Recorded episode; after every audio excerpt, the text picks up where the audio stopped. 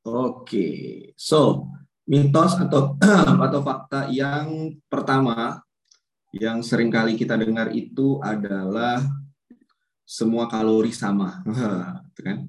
Ini buat ini biasanya buat teman-teman kita yang eh, apa namanya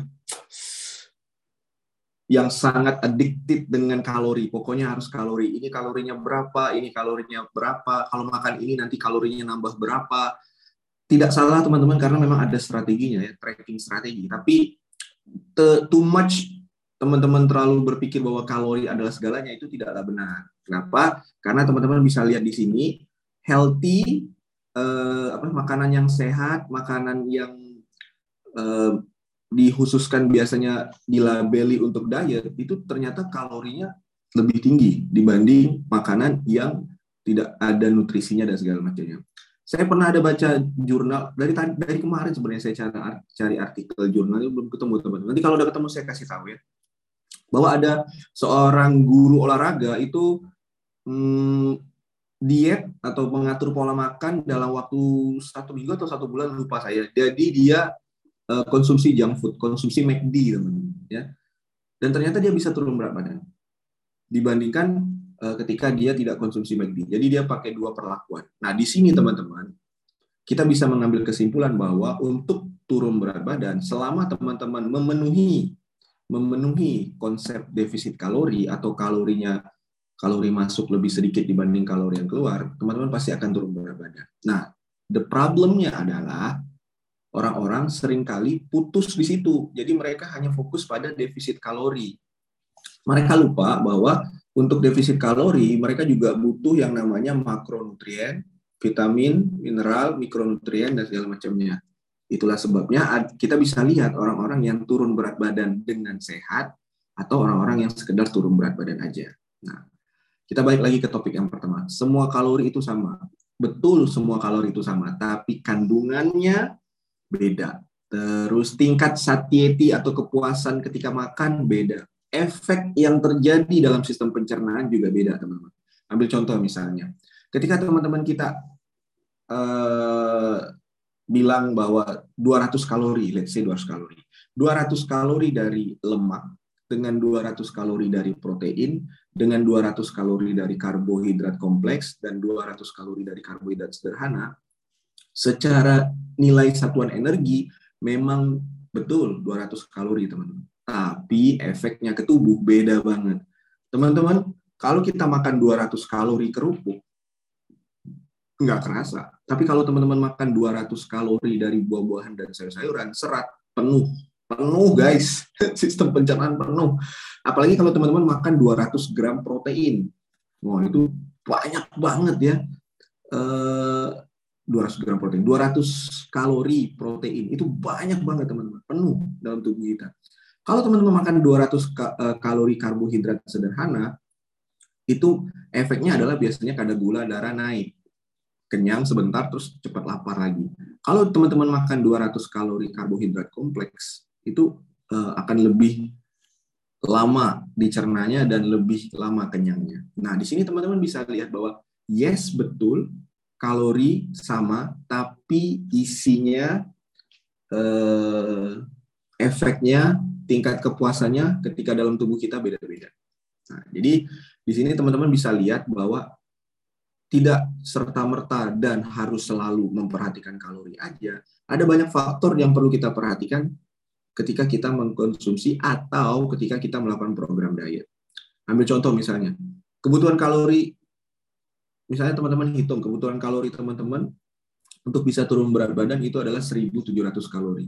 Nah, let's say ambil contoh misalnya teman-teman makan satu bungkus Indomie, oh, saya Indomie lagi nih. satu bungkus mie goreng teman-teman itu 200 sampai 300 kalori. Jadi kalau teman-teman sehari makan 5 bungkus Indomie, udah selesai 1700 kalori itu dapat. Ya. Apakah bisa turun berat badan? Bisa lah. Karena teman-teman sudah memenuhi syarat untuk defisit kalori yang 1700. Tapi pertanyaannya adalah apakah seratnya dapat? Apakah proteinnya cukup, apakah vitamin mineralnya ada, atau teman-teman hanya fokus pada kalorinya dan fokus hanya pada uh, apa namanya asupan hariannya aja tanpa teman-teman memperhatikan makronutrien, mikronutrien dan segala macamnya. Nah, ini tuh penting banget teman-teman. Untuk apa? Untuk teman-teman bisa melakukan yang namanya pola makan secara berkelanjutan ya. Karena tidak mungkin teman-teman akan terus-terusan apa namanya melakukan uh, diet atau melakukan program turun berat badan yang hanya fokus pada kalori. Teman-teman pasti juga pengen makan cake, teman-teman juga pasti pengen makan uh, apa sih namanya kue-kue, teman-teman pasti pengen makan uh, sayur-sayuran dan masih banyak lagi yang teman-teman pengen makan. Itulah sebabnya penting banget untuk teman-teman memahami dan melebarkan uh, informasi teman-teman terkait kalori dan makanan. Ya, jadi tidak semua tidak semua yang berhubungan dengan kalori itu berdampak sama dengan kalori yang masuk ke dalam tubuh kita. Ini ambil contoh nih, contohnya nih 900 kalori dari sebuah cake kalau kita pecah menjadi tiga makanan lebih kenyang teman-teman 900 sama-sama 900 kalori tapi efeknya beda-beda. Nah itu ya itu mitos yang pertama. Nah, biasanya kan udahlah makan aja, kan kalorinya sama. Hmm, iya betul kalorinya sama, tapi kandungannya beda, efeknya ke tubuh beda, terus respon dalam sistem pencernaan juga beda. Dan makin ke sini saya saya semakin uh, semakin apa namanya? semakin yakin bahwa sebenarnya kunci dari keberhasilan yang namanya program diet adalah kenyang, teman-teman kalau buat saya, saya semakin yakin bahwa semakin teman-teman merasa kenyang, semakin teman-teman uh, merasa full, penuh, teman-teman pasti akan berhasil dietnya.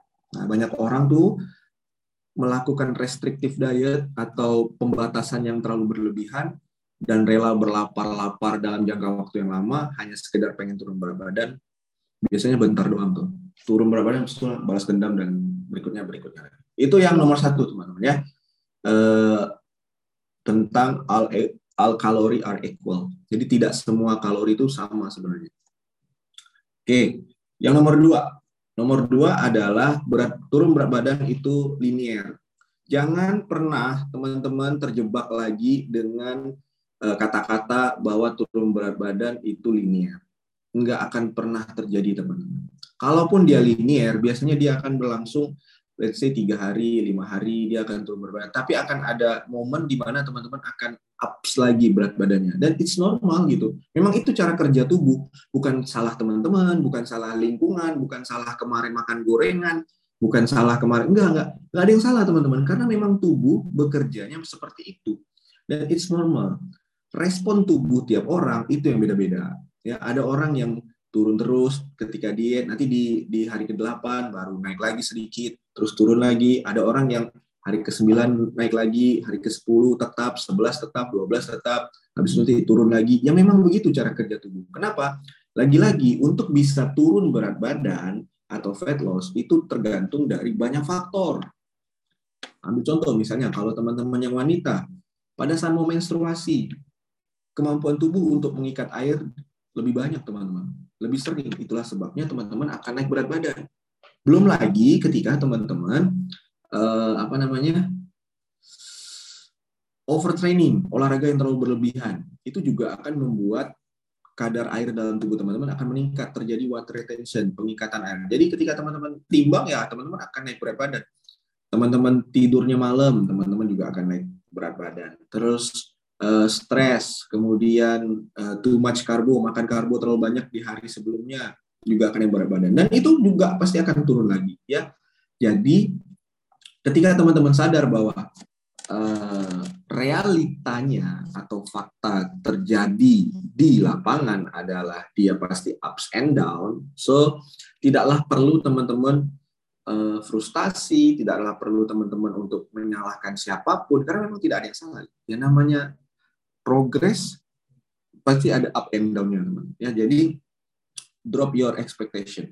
Kurangin ekspektasinya supaya apa? Supaya teman-teman tidak kecewa dengan hasil programnya ya. Dan kalau buat saya pribadi saya juga udah kasih tahu ke teman-teman dulu bahwa tarik garis trennya ya. Kalau teman-teman lihat kan dia dia pasti ups and down tuh. Tapi kalau ditarik garis lurus, kira-kira dia ke atas atau ke bawah. Kalau dia gak teman-teman tarik garis lurus trennya adalah ke bawah, berarti teman-teman berada di track yang tepat. Tetap keep going, keep going, keep going sampai teman-teman mencapai berat badan ideal. Ya. Dan ini juga menjadi salah satu uh, tantangan atau problem buat kita semua untuk ngasih tahu ke semua orang bahwa ya karena teman-teman nggak akan mungkin bisa turun turun berat badan terus gitu ya. Kalau teman-teman mau turun berat badan terus, maka teman-teman bisa bayangin kalau misalnya satu hari teman-teman beranggapan teman-teman bisa turun let's say lah 300 gram. 10 hari teman-teman 3 kilo, 20 hari 6 kilo, terus 3, 40 eh, hari 12 kilo. Udah tinggal berapa lagi berat badan teman-teman. nah itu tuh yang yang sering kali dijadikan uh, mitos mitos ke orang-orang di luar sana bahwa kalau mau pakai program ini atau mau konsumsi ini atau minum teh ini atau minum suplemen ini kamu akan turun berat badan. Betul turun berat badan tapi turun berat badannya nggak mungkin setiap kali teman pasti ada ups and down-nya. Nah makanya banyak orang yang loncat-loncat ke program diet A loncat lagi ke program diet B loncat lagi program diet C untuk memenuhi ekspektasinya yaitu turun berat badan terus padahal tidak ada satupun program di dunia ini yang diciptakan untuk akan membantu teman-teman turun berat badan terus-menerus. Satu-satunya kondisi di mana teman-teman akan turun berat badan terus-menerus adalah teman-teman sakit dan teman-teman tidak makan. Nah, itu tuh. Teman-teman pasti turun berat badan terus. Ya. Uh, tapi saya tidak sarankan. Saya dulu pernah tipes, teman-teman. Cuma di invest doang, lima hari turun tiga empat kilo. Lima hari turun empat kilo guys. Lima hari. Uh kalau saya sakit tipes sampai 10 hari berarti total turun 8 kilo. Tinggal tulang. Ya jadi ini teman-teman faktanya.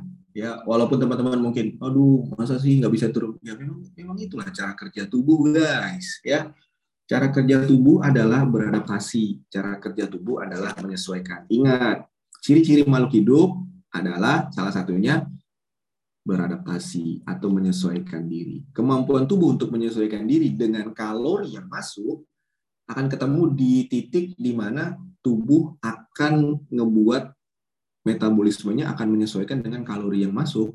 Jadi ya metabolismenya akan berubah, hormon akan berubah dan segala macam. That's why untuk bisa turun berat badan setiap hari terus menerus itu hmm, kayaknya adalah sesuatu yang jarang atau tidak mungkin terjadi. Oke, itu yang kedua. Yang ketiga, yang ketiga adalah tentang pondasi dasar dari yang namanya fat loss atau weight loss turun berat badan. Banyak orang di luar sana itu mengglorifikasi suplemen. Teman-teman, suplemen itu adalah eh, tambahan asupan.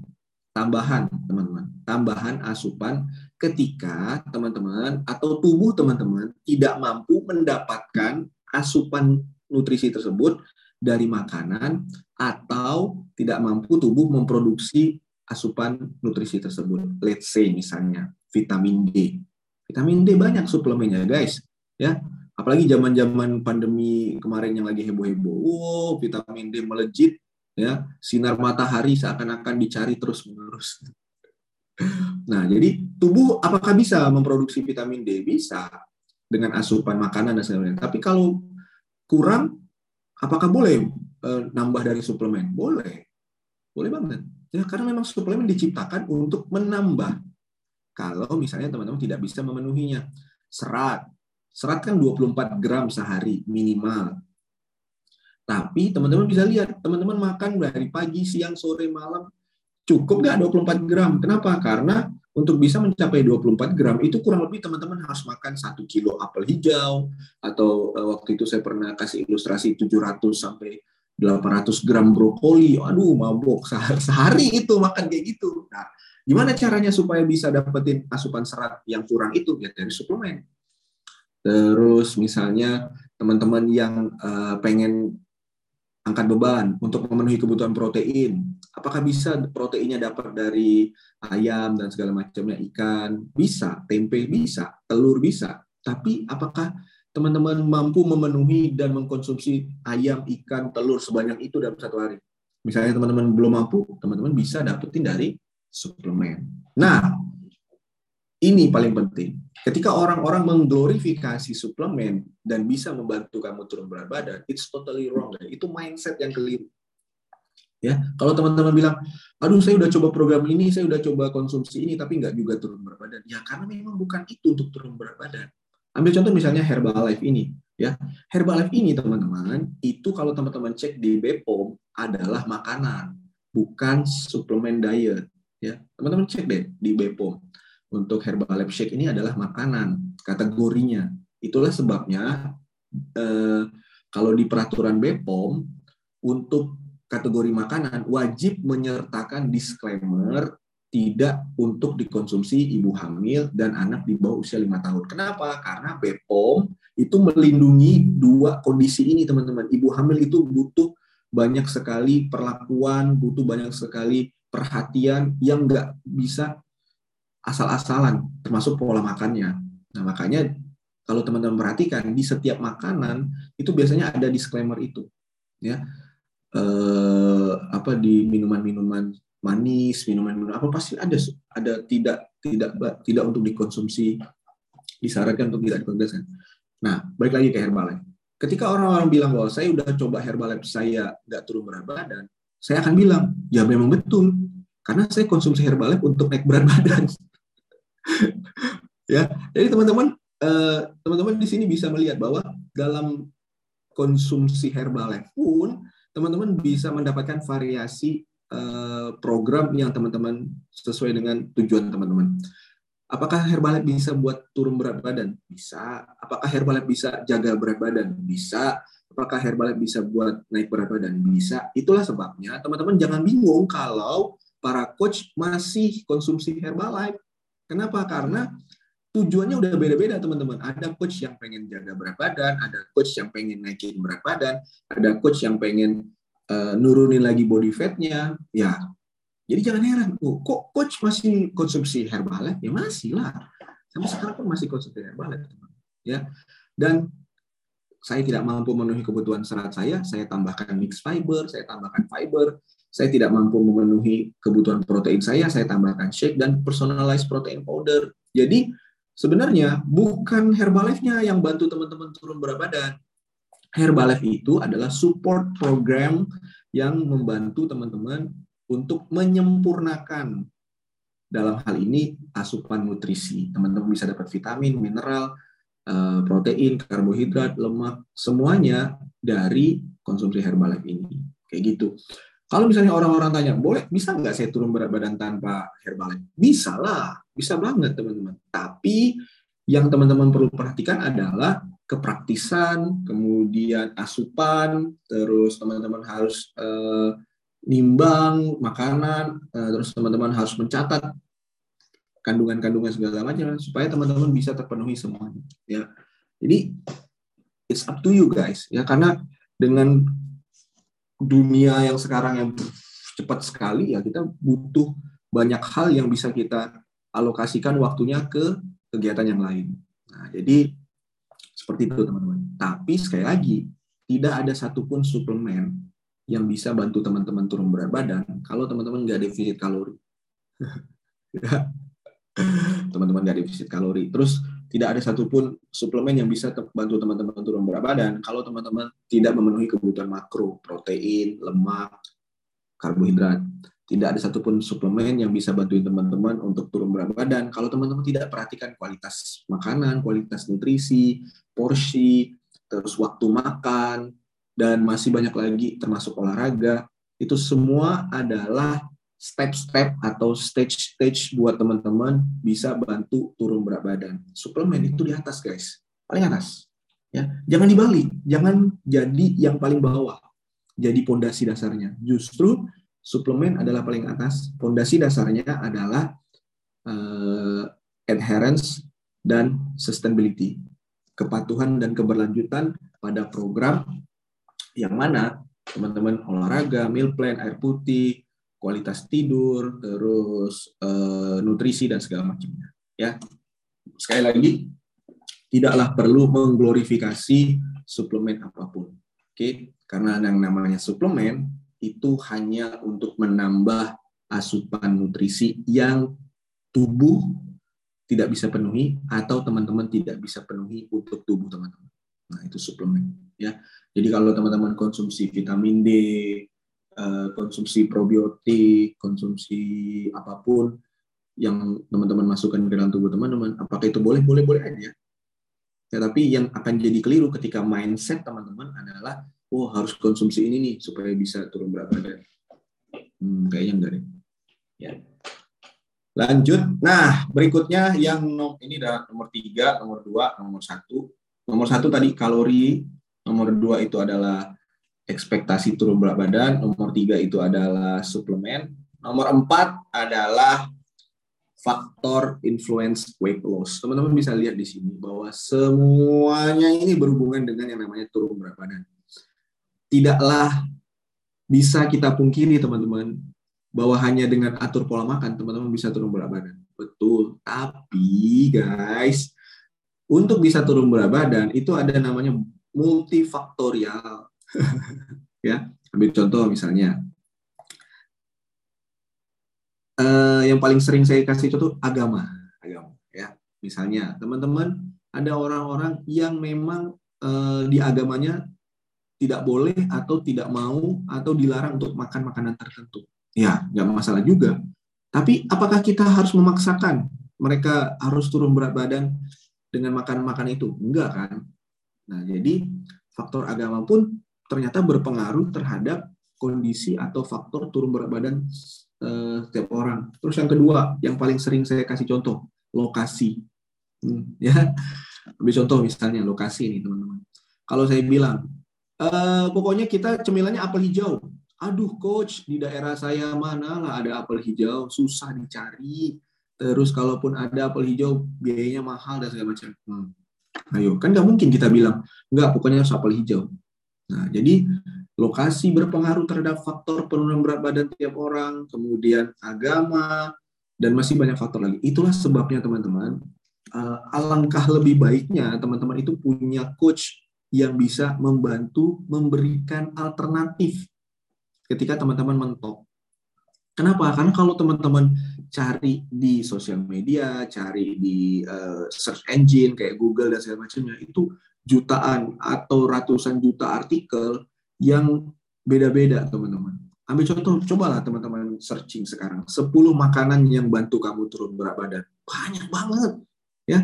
Nah, bagaimana teman-teman bisa memfilteringnya? ya teman-teman untungnya teman-teman punya coach jadi teman-teman bisa tanya ke coachnya coach kalau nggak ada apel hijau bisa ganti apa ya nah kan enak jadi ketika kita sadar bahwa untuk turun berat badan itu melibatkan banyak faktor maka kita sudah tidak perlu lagi lihat kanan lihat kiri terhadap hasil program orang lain. Kenapa? Karena di sini teman-teman bisa lihat usia mempengaruhi uh, faktor penurunan berat badan. Terus uh, behavior perilaku, terus body composition, kemudian uh, apa diet composition, ekonomi, obat-obatan, genetika, kesehatan sistem pencernaan, hormon, insulin, metabolic rate, dan masih banyak lagi. Nah, ketika kita sadar bahwa ini semua mempengaruhi faktor penurunan berat badan kita, maka kita bisa mengkelompokkannya menjadi dua hal, yaitu faktor yang bisa kita kontrol dan faktor yang nggak bisa kita kontrol. Nah, jadi kayak kayak gimana ya? Kayak kemarin tuh ada ada yang ngechat saya teman-teman, teman saya, dia bukan peserta kelas kita sih, ya, dia, di tolong dong, ini gimana ya? Saya mau diet di kantor nih, ini teman-teman banyak sering kali uh, bawa gorengan dan segala macamnya. Terus saya bilang lah, kalau nunggu kantor sepi, kan nggak mungkin. Masa dia harus resign dari kantornya untuk bisa mulai diet? Kan nggak mungkin. Jadi, carilah faktor yang bisa kita kontrol, teman-teman. Ya. Marah dia. Saya nggak ngasih solusi sih. Saya bilang lah, kalau nunggu kantor sepi, Terus kalau mau uh, biar bisa fokus tanpa ada gorengan, masa harus resign dari kantornya kan nggak mungkin. Nah, jadi fokuslah pada hal-hal yang bisa kita kontrol, teman-teman. Hal-hal yang bisa nggak bisa kita kontrol dalam program dia kita ya nggak usah dipaksain karena nggak bisa juga kita kontrol. Terus kayak misalnya, aduh coach di agama saya nggak boleh makan ini. Nah masa kamu harus pindah agama untuk bisa boleh makan itu? Kan nggak mungkin. Atau misalnya lokasi, coach saya nggak bisa nih uh, dapetin ini. Saya lokasi di pegunungan. Kalau ikan laut susah. Ya udah cari aja sumber protein yang teman-teman bisa dapatkan selain dari ikan laut. Nah, jadi ketika teman-teman sadar bahwa ada faktor yang bisa kita kontrol dan ada faktor yang enggak bisa kita kontrol, teman-teman akan lebih enjoy menjalani program dia teman-teman dan tidak perlu menghabiskan banyak waktu, energi untuk memaksakan diri mengontrol hal-hal yang nggak bisa dikontrol. Kan nggak mungkin. Ya, jadi carilah hal-hal yang bisa teman-teman kontrol. Ya, itu untuk yang keempat. Yang kelima, yang terakhir teman-teman adalah where does the fat go when you lose weight? Banyak orang yang bilang bahwa kalau mau eh, lemaknya turun, minum ini, ya, makan ini, karena ini pembakar lemak. Nah, itu sebenarnya uh, miskonsepsi, teman-teman. Konsep yang keliru. Kenapa? Karena faktanya untuk pembakaran lemak itu terjadi ketika lemak sudah masuk ke ranah metabolisme atau proses pencernaan. Tapi sebelum kita masuk ke situ, kita tarik ke belakang dulu, teman. Dalam definisi atau dalam program diet itu ada dua lemak yang harus teman-teman pahami. Yang pertama adalah lemak sebagai makanan, ya. Jadi kita makan ada kandungan lemaknya, makronutrien, karbohidrat, protein, lemak, lemak yang kita makan. Yang kedua, jaringan lemak di tubuh kita. Jaringan lemak ada dua, jaringan lemak subkutan di bawah kulit, nih, nih, nah, yang teman-teman bisa cubit. Terus yang kedua adalah jaringan lemak visceral fat atau yang ada di organ-organ pencernaan atau organ-organ dalam kita. Nah, karena organ kebanyakan di bagian abs, di bagian perut, di sini letaknya, makanya dibilang lemak perut. Walaupun tidak harus berada di perut aja. Karena apa? Karena di depan ini ada yang namanya lemak subkutan, lemak di bawah kulit, teman-teman. Nah, yang bisa teman-teman cubit tuh itu lemak di bawah kulit, ya. Nah, itu ada dua. Berarti ada dua lemak nih. Lemak sebagai makanan, lemak sebagai jaringan. Karbohidrat ketika masuk ke dalam tubuh dan berlebihan jumlahnya, karena kita tidak pakai atau karena kita tidak bakar kalorinya, akan dikonversi menjadi glukosa yang disimpan ke jaringan lemak. Hmm, ya, jadi nggak harus menghindari lemak juga teman-teman akan menumpuk lemak. Kenapa? Karena too much karbo pun akan dikonversi, akan diubah menjadi lemak teman-teman. Jadi jangan hindari lemak. Jangan hindari lemak, jangan hindari karbo, jangan hindari protein, tapi atur asupannya. Nah, jaringan lemak itu nggak mungkin jadi otot. Karena dua jaringan yang berbeda teman-teman. Ayo coba olahraga ini atau ayo coba makan ini supaya lemak kamu berubah jadi otot. Nggak mungkin itu jauh-jauh langsung kabur, kabur, kabur, kabur. Apa-apaan itu informasi yang keliru teman-teman ya. Tidak mungkin jaringan lemak berubah menjadi jaringan otot. Kenapa? Karena itu dua jaringan yang berbeza, Besti. Ya. Jadi kalau ada yang bilang, ayo olahraga ini supaya lemak kamu jadi otot. Hmm, jauh-jauh aja lah guys. Nggak mungkin itu. Keliru ya. ya. Lemak yang berlebih makanan yang mengandung lemak berlebih masuk ke tubuh ditumpuk menjadi jaringan lemak, jaringan adiposa. Karbohidrat yang berlebih di tubuh ditumpuk jadi cadangan makanan di jaringan lemak. Nah, jadi karbohidrat. Protein yang berlebih di tubuh kalau nggak dipakai lagi dibuang. Nah, jadi satu-satunya makronutrien yang berlebih dan tidak dipakai tapi tidak disimpan itu adalah protein. Kalau karbohidrat lemak berlebih disimpan di tubuh kita. Oke, itu konsep yang pertama. Konsep yang kedua adalah ketika lemak udah masuk ke dalam tubuh dan masuk ke ranah metabolisme, dipecah menjadi asam lemak dan gliserol. Nah, asal lemak dan gliserol ini kalau nggak dipakai lagi oleh tubuh, ya udah dia masuk dan ditumpuk menjadi jaringan-jaringan lemak. Nah, sekarang kita masuk ke konsep yang kedua. Ketika tubuh sudah banyak menumpuk jaringan lemak, otomatis kan kita pengen supaya lemak-lemak ini hilang atau lemak-lemak ini berkurang atau lemak-lemak ini susut. Nah, gimana caranya? Apakah dengan uh, konsumsi makan makanan tertentu bisa melakukan yang namanya uh, fat burner atau pembakaran lemak dalam tubuh kita?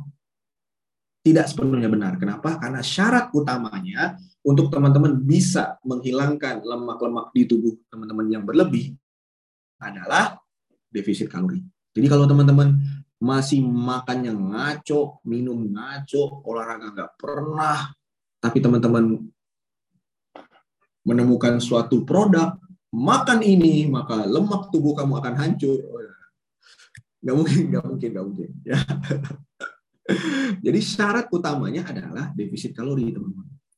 Nah, ketika teman-teman defisit kalori, secara otomatis tubuh akan mengambil cadangan energi dari mana? Dari jaringan lemak. Kapan cadangan energi dari jaringan lemak ini diambil? Satu, ketika teman-teman melakukan yang namanya strength training, olahraga angkat beban. Dua, ketika teman-teman kardio di atas 40 menit. Jadi zone burn dari fat itu di atas 40 menit teman-teman. Kalau teman-teman olahraga kardio 20-30 menit itu hanya membakar kalori dari asupan makanan dan minuman yang masuk.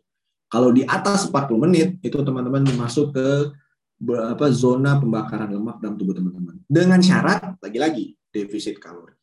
Ya. Dan lemak ketika dibakar oleh tubuh dalam tanda kutip dibakar ya, itu langsung dikeluarkan dalam bentuk uap air, dan karbon dioksida. Karbon dioksida artinya bernapas. Uap air artinya keringat, buang air kecil. Nah, itu uap air. Ya, jadi, oh kalau gitu, bukan gitu caranya. ya gitu caranya ya.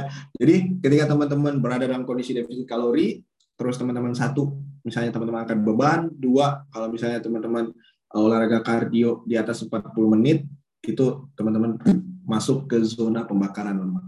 Dan please guys, konsep yang ketiga, spot reduction. Kita tidak mungkin bisa membakar lemak atau membuang lemak di bagian tubuh tertentu. Sorry to say, tapi itu fakta. Ya, aduh saya pengen dong coach, gimana ya caranya ngilangin lemak di bagian lengan? Nggak bisa. Yang kita bisa lakukan adalah melatih